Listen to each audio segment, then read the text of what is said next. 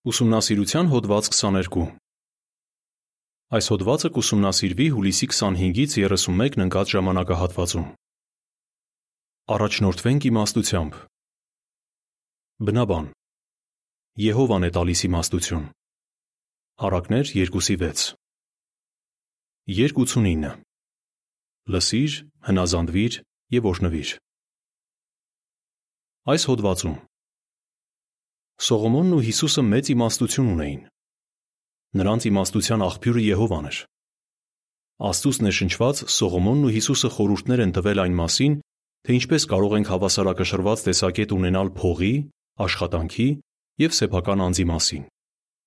Հոդվածից կիմանանք, թե ինչ կարող ենք սովորել այդ խորհուրդներից։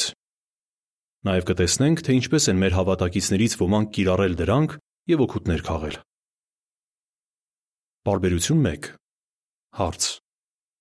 Ինչու աստվածային իմաստության կարիք ունենք։ Առակներ 4:7 Եղել է այնպես, որ կարևոր որոշման առաջ կանգնած լինես։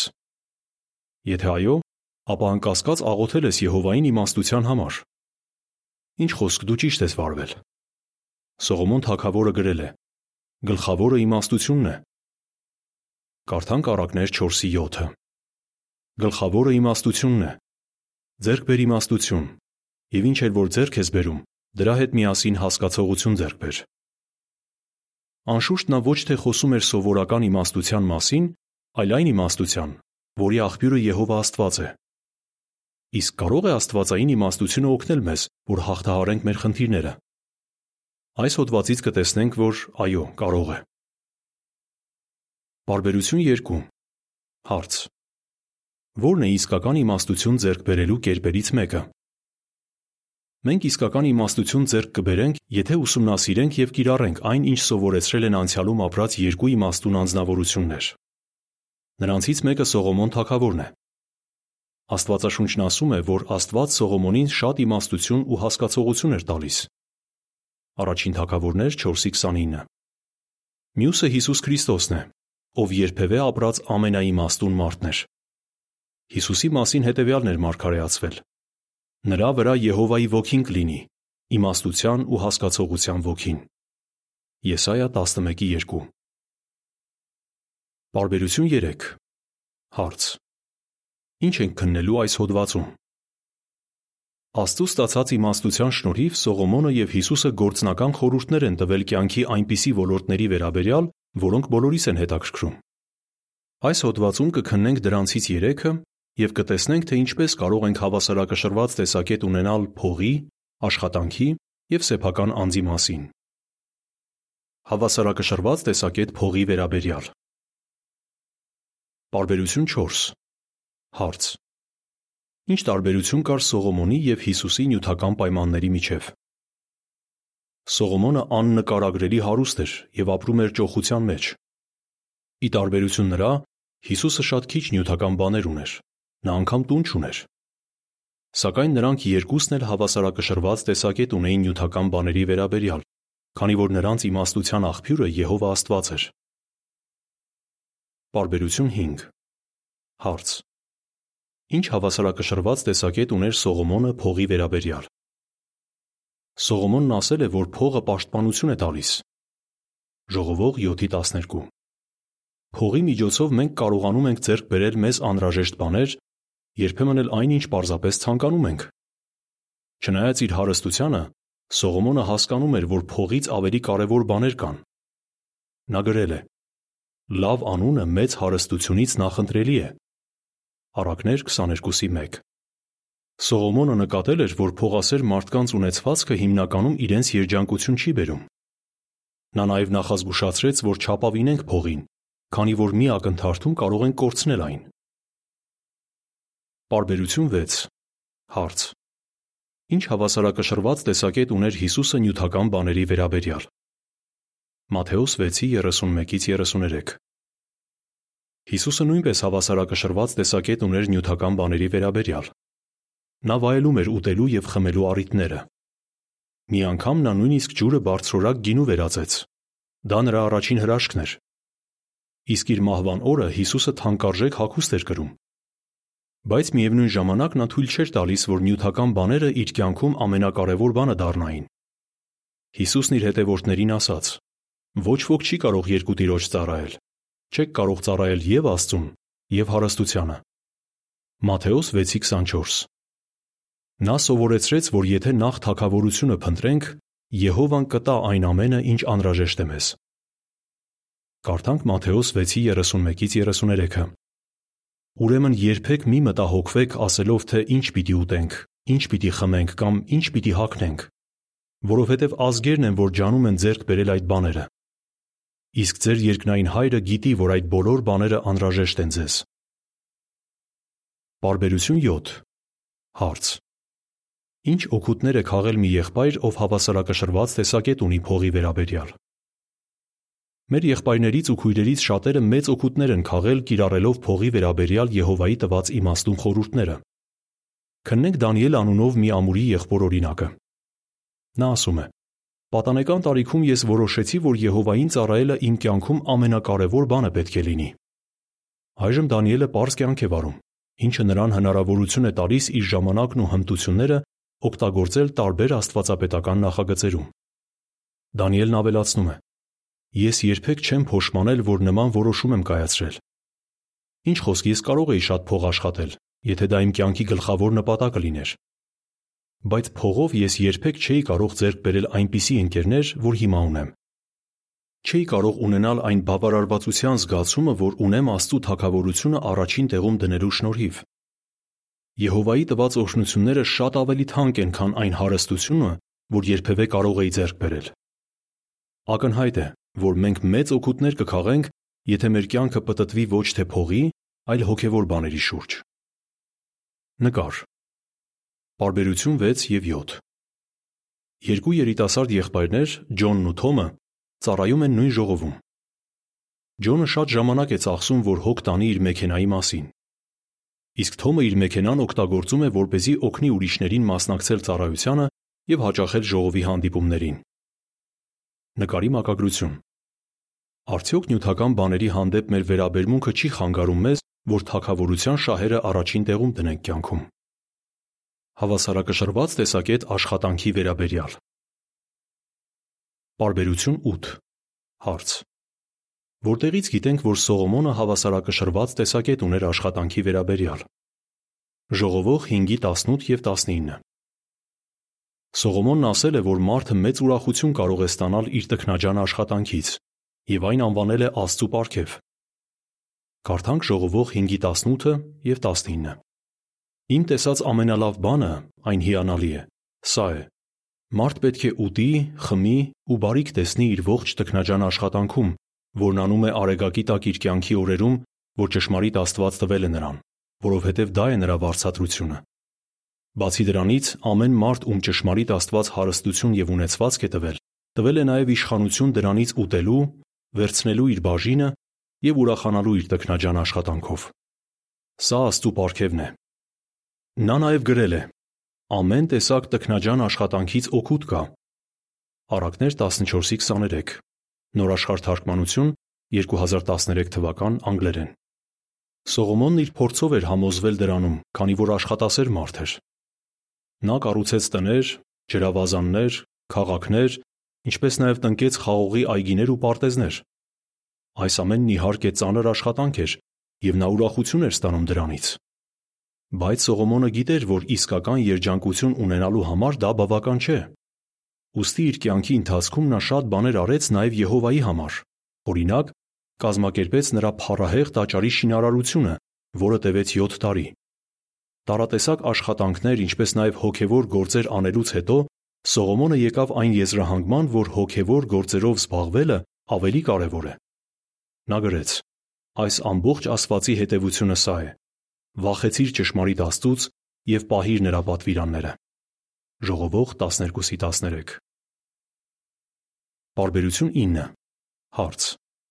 Ինչ տեղ ուներ աշխատանքը Հիսուսի կյանքում։ Հիսուսը ջանասեր աշխատող էր։ Իր երկրային կյանքի սկզբում նա ատաղծագործությամբ էր զբաղվում։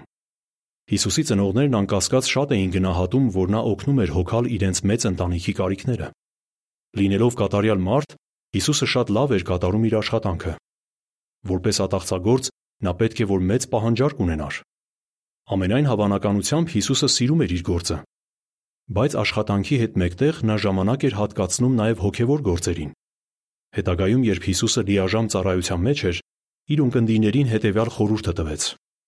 Աշխատեք ոչ թե կորչող ուտելիքի համար, այլ այն ուտելիքի,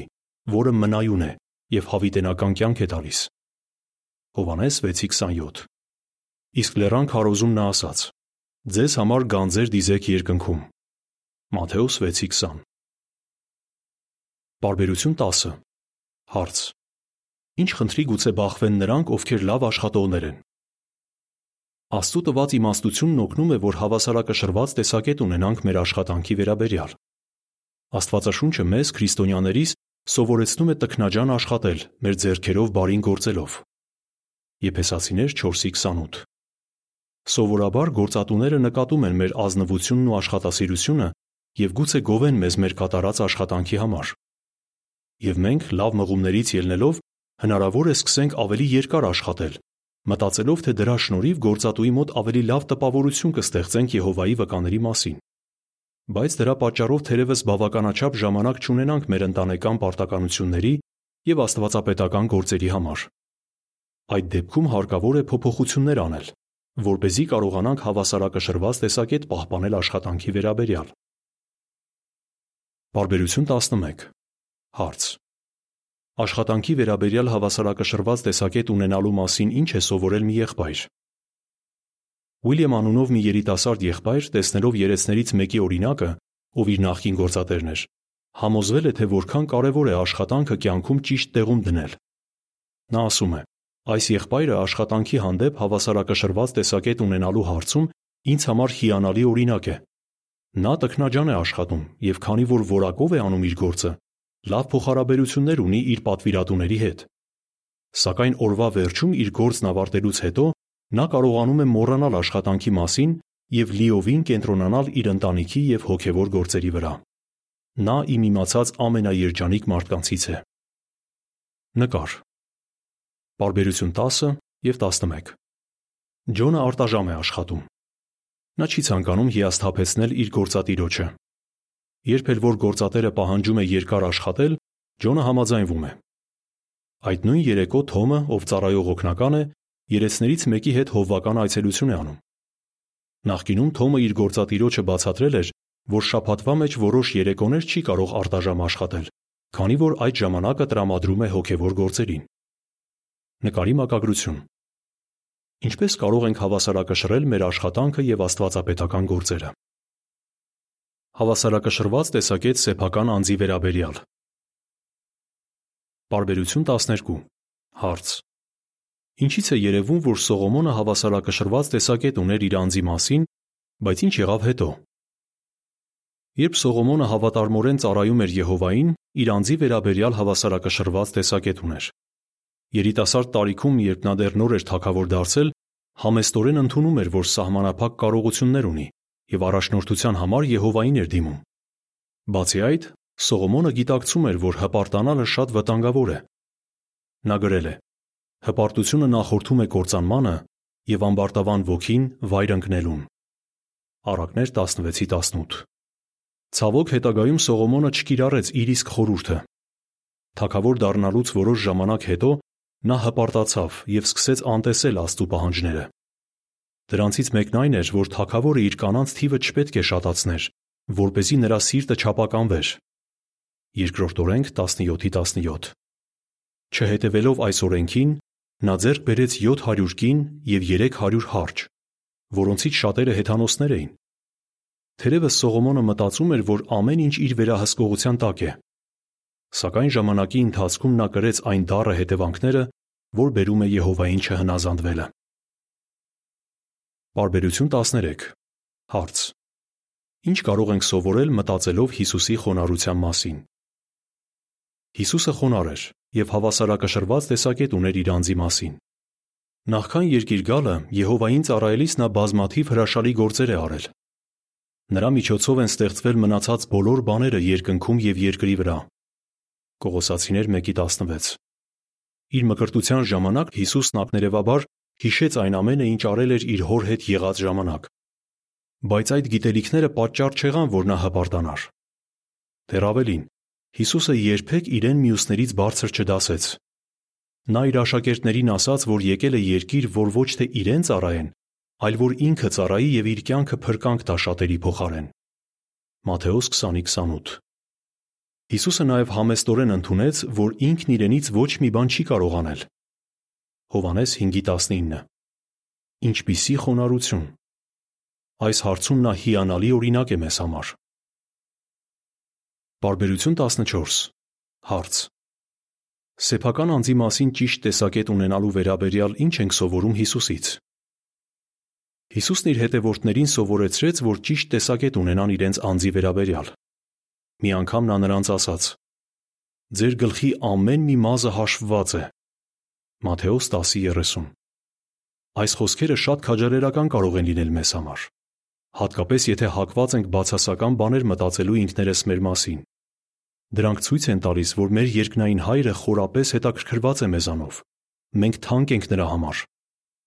Եթե Եհովան թույլ է տալիս, որ պաշտենք իրեն եւ մեզ արժանի է համարում հավիտյան ապրելու իր նոր աշխարհում, ապա ով ենք մենք, որ հակառակը մտածենք։ Բարբերություն 15 Հարց Ա. Ինչ հորդոր էր տրվում դիտարանում։ Հարց Բ. Ինչպես երևում է 24-րդ էջի նկարներից, եթե չափից շատ կենտրոնանանք մեր անձի վրա, որ օրհնություններից կզրկվենք։ Մոտ 15 տարի առաջ դիտարանում սեփական անձի վերաբերյալ հավասարակշռված տեսակետ ունենալու մասին հետևյալն էր ասվում. Ինչ խոսք մենք չենք ցանկանա այնքան մեծ կարծիք ունենալ մեր մասին, որ դառնանք ինքնագոհ։ Ոչ էլ կցանկանանք ընկնել մյուս ծայրահեղության մեջ եւ մեզ ոչնչություն համարել։ Մենք պետք է նպատակ դնենք հավասարակշռված տեսակետ ունենալ մեր մասին, իմանալ մեր ուժեղ եւ թույլ կողմերը։ Մի քրիստոնյակին դա հետևյալ կերպ արտահայտեց. Ես ոչ չարության մարմնացում եմ, ոչ էլ Աստծու գառ։ Ես ունեմ թե լավ, թե վատ կողմեր, ինչպես եւ բոլորը։ Տեսնում ենք, թե որքան օգտակար է հավասարակշռված տեսակետ զարգացնել սեփական անձի մասին։ Նկար։ Բարբերություն 15 Ջոնը կենտրոնացած է իր անձի վրա։ Իսկ Թոմը, ով հոգևոր նպատակները սեփական շահերից վեր է դասում, ընդլայնում է իր ընկերների շրջանակը մասնակցելով համաժողովների սրահի վերանորոգման աշխատանքներին։ Նկարի մակագրություն. Սեփական անձի վերաբերյալ սխալ տեսակետը ինչ հնարավորություններից եւ օշնություններից կարող է զրկել մեզ։ Բարբերություն 16 Հարց. Ինչու է Եհովան մեզ իմաստուն առաջնորդություն տալիս։ Եհովան իր խոսքի միջոցով մեզ իմաստուն առաջնորդություն է տալիս։ Նա սիրում է մեզ եւ ուզում է, որ երջանիկ լինենք։ Աստծուն ծառայելը կյանքում առաջին տեղում դնելը ամենաիմաստուն որոշումն է։ Այն մեզ իսկական երջանկություն կբերի եւ կօգնի խուսափել բազում խնդիրներից, որոնց բախվում են նրանք, ում կյանքը պտտվում է փողի, աշխատանքի եւ սեփական անձի շուրջ։ Եկեք ուրեմն վճռենք իմաստուն լինել եւ ուրախացնել Եհովայի սիրտը։ Կրկնության հարցեր։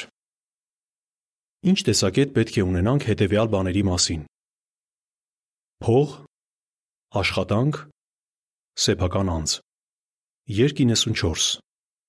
Շնորհակալ ենք քո խոսքի համար։ Հոդվացի ավարտ